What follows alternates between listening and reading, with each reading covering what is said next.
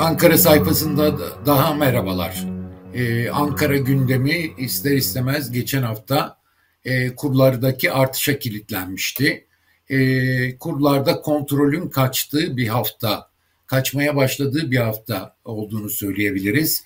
Tabii ki en çok tartışılan konuda bundan sonra kurlarda ne olur e, artarak e, gideceği kesin ama e, yavaş mı artar, hızlı mı artar bütün bunlar konuşuluyor ve e, buna çözüm olması için ekonomi yönetiminin ne tür kararlar alacağı, özellikle enflasyona endeksli e, bono e, şeyini projesini e, daha önce konuşmuştuk. Onlar e, nasıl olacak konuşuluyor, yan etkileri nasıl olur o konuşuluyor. E, şimdi kur kontrolü kaçmaya başladı gerçekten. E, bir hafta içerisinde yüzde beşin üzerinde bir artış görüldü. E, Merkez Bankası kamu bankaları aracılığıyla kurları kontrol etmeye devam etti. E, halbuki e, bu fe, e, doların e, değer artışı nedeniyle birçok para birimi zaten değer kaybetmişti. Ama e, kuru hala kontrol etmek istiyor Merkez Bankası ama beceremiyor.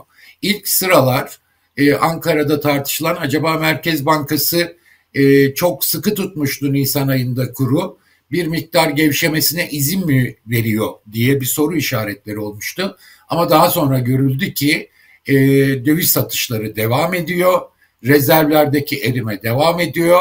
Yani aslında Merkez Bankası kurum geldiği seviyeden memnun değil ama elinden artık e, bir şey gelmemeye başladı. Daha doğrusu sınırlı bir imkanı olduğu e, açıkça ortaya çıkıyor. E, geçtiğimiz hafta 10 milyar doların üzerinde e, bir döviz satışı olduğuna kesin gözüyle bakılıyor. Ama bunun hepsi rezervlere e, yansımış değil. İhracat dövizleri, reskont kredileri e, bütün buralardan yüzde 40'a çıktı çünkü ihracat e, döviz e, gelirlerinden alınan miktar. Bütün bunlar e, etkiliyor. Ama döviz satışları bir hayli yüklü oldu.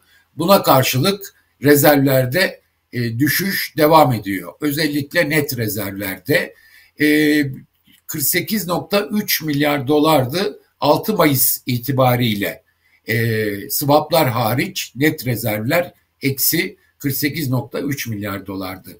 E, öğrendiğim kadarıyla geçtiğimiz çarşamba günü eksi 50 milyar doları aştı rezervler.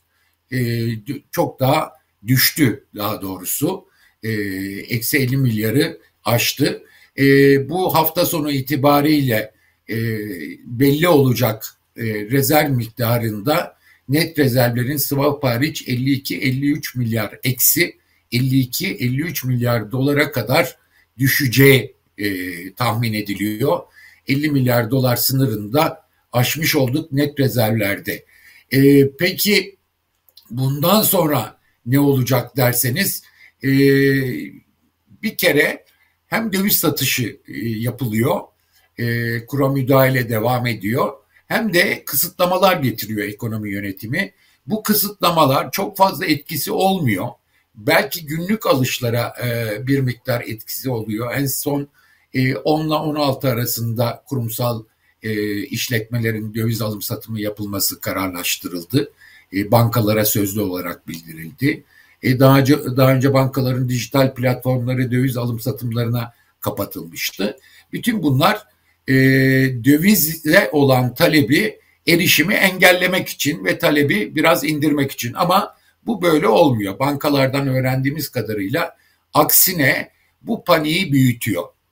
E, şirketlerin e, geçtiğimiz hafta başında bu kısıtlama tedbirlerinin de etkisiyle şirketlerin daha sonra e, ihtiyaç duyacakları dövizi bile ne olur ne olmaz daha sonra belki e, başka bir kısıtlama gelir diyerek önceden almaya kalkıştıklarını biliyorduk. E, ve şikayetler giderek artmaya başladı zaten. E, bunun yanı sıra e, geçtiğimiz hafta e, çarşambadan sonra bu e, kervana bireysel müşterilerin de katıldığını öğrendik. Bankalardan gelen haberler sadece şirketler değil, e, bireysel müşteriler de ileride alamayız diye şimdiden döviz alımlarına gitmeye başladılar. Bu arada döviz tevdiat hesaplarının da arttığını görüyoruz son haftada. Yani dövize yeniden bir talep olduğu açık ve bunu nasıl koruyacağını e, bilemiyor. Peki kurlar e, yüzde beş bir haftada arttı.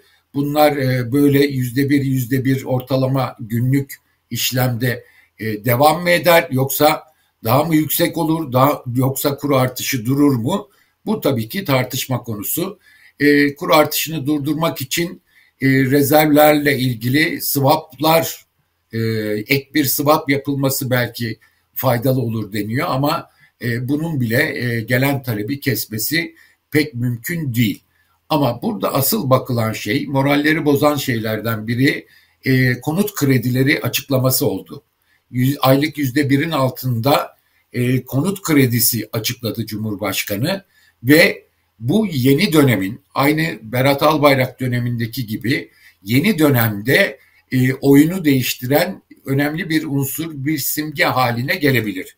Çünkü e, hem kısıtlamalar hem döviz satışlarına rağmen kurun önlenememesi hem de kredilerin yeniden açılma ihtimali piyasadaki paniği büyütüyor. Bunların hepsi birlikte çünkü cari açıkta artıyor. Küresel emtia ve petrol fiyatları yüksek kalmaya devam ediyor ve taze bir döviz girişi yok. O yüzden de bu paniği büyüten unsurlardan biri kredilerin açılacak olması. E, bu konuda e, sanayi üretim rakamları Mart ayı açıklandı. Bir miktar yavaşlama olsa da hala iyi bir seyir var. E, analistler böyle giderse yüzde beş altılık bir yıllık büyüme e, tahmin ediyorlar. Ama yüzde beş altılık büyüme e, bu makroekonomik e, dengelerle, bu kur dengesiyle pek mümkün gözükmüyor. E, buna bir de kredilerin yeniden açılması eklenirse ki bu işaretler artıyor. O zaman kurlardaki e, yukarı doğru trend hızlanabilir telaşı var.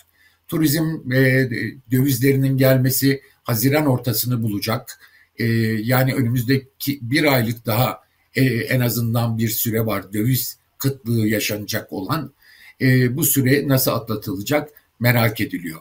E, bu arada e, Bakan Nebati'nin e, gıdacılar, konutçularla ilgili görüşmeleri oldu. Orada fiyatları durdurun e, demiş. Onlar da kabul ettiklerini söylemişler. Ama bir başka şey daha söylemiş. E, konuşan sektör temsilcilerinden öğreniyoruz. KGF kredilerini açacağız demiş. KGF kredilerinin açılması dövize olan talebi arttırmak için önemli bir sebep olabilir. Artı bununla da yetinilmiyor. Öğrendiğimiz kadarıyla e, Merkez Bankası'nın yatırım taahhütlü avans kredisi 150-200 milyar e, dolarlık vereceği söylenmişti. Ama Merkez Bankası bunu vermiyordu.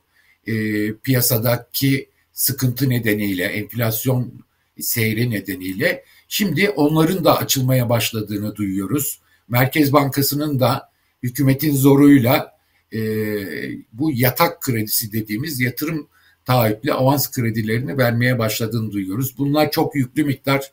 Eğer bunlar gelirse e, dövize olan talebi e, önlemek çok mümkün değil. E, turizm e, dövizi gelene kadar sabrederler mi bilinmez. Ama bu kredilerin açılması demek artı konut kredilerinin ne kadar hacmi olacak bunlar da önemli. Piyasadaki para ve enflasyonun seyri açısından ve dolayısıyla kurlar açısından önemli e, şeyler, gelişmeler olacak. E, ama bu gidişle yüzde beşin altında bir büyümeye izin verilmezse artık enflasyonda üç haneye varmasak bile ki o tehlike var artık bu açıkça konuşulmaya başlandı. Üç haneli enflasyona varmasak bile 1990'larda yaşadığımız kronik enflasyon dönemine e, geri dönülmesi büyük bir ihtimal olarak gözükmeye başladı. Yani yüzde yüz olmasa bile 70, 80, 90'larda gidip gelen uzun sürecek bir yüksek enflasyon dönemi sanki e, bugünkü ekonomi yönetimi sürdüğü müddetçe kaçınılmaz hale geliyor gibi. E, şimdi Piyasada e, peki bu nasıl önlenir dendiğimizde piyasa oyuncularının hepsi kur korumalı mevduat e, olayının gidişatını söylüyorlar. E, son dönemde dövize olan talepte kur korumalı mevduatta çözülme e, olmuş olabileceğini, bunun da bir ihtimal olduğunu söylüyorlar. Henüz bununla ilgili verileri göremiyoruz ama tek çözüm olarak ekonomi yönetiminin bir süredir çalıştığı, size daha önce de söylediğim, söylediğim enflasyona endeksli e, tahvil ya da bono arzı olabilir deniyor. E, ve e, piyasanın beklentisi 6 ya da 9 ay vadeli olacak bonolarda aylık e, küpür ödemeleri, aylık enflasyon kadar ödemeler olarak bunun yapılabileceği söyleniyor. Bunun e, ancak bu gidişatı e, durdurabilecek şu anda gözüken tek unsur olduğu söyleniyor. Ama biliyorsunuz ekonomi yönetimi uzun zamandır bunu konuşuyor ama bir türlü uygulamaya konamıyor.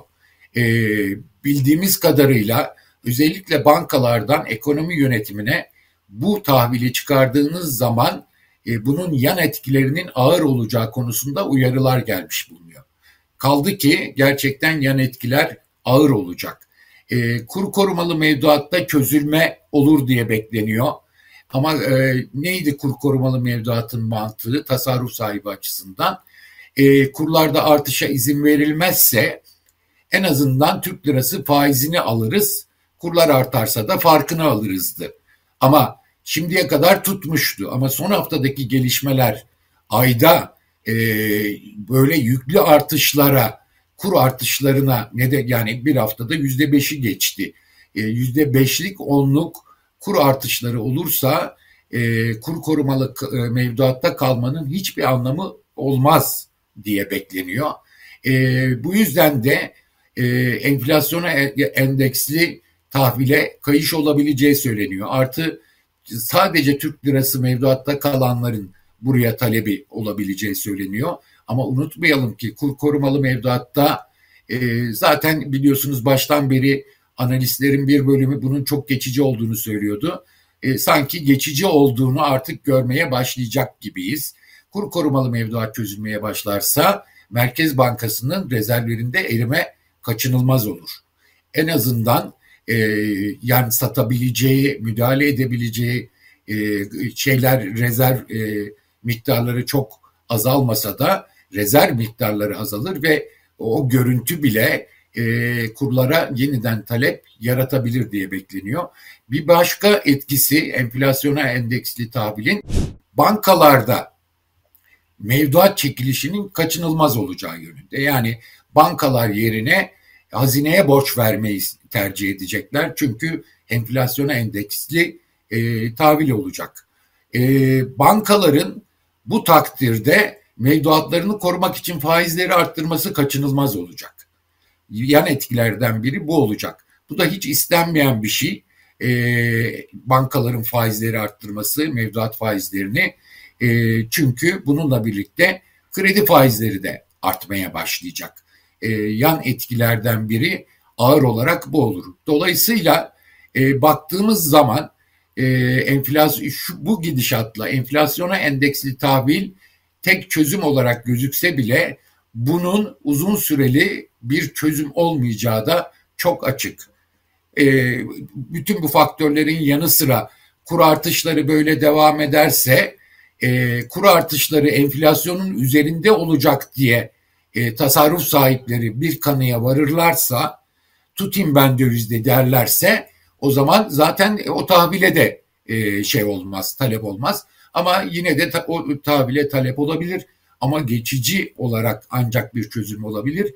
Çünkü asıl çözümün e, rasyonel para politikalarına dönmeden e, bir dinginlik kazanması, e, kurların durması, enflasyonun durması çok mümkün gözükmüyor açıkçası.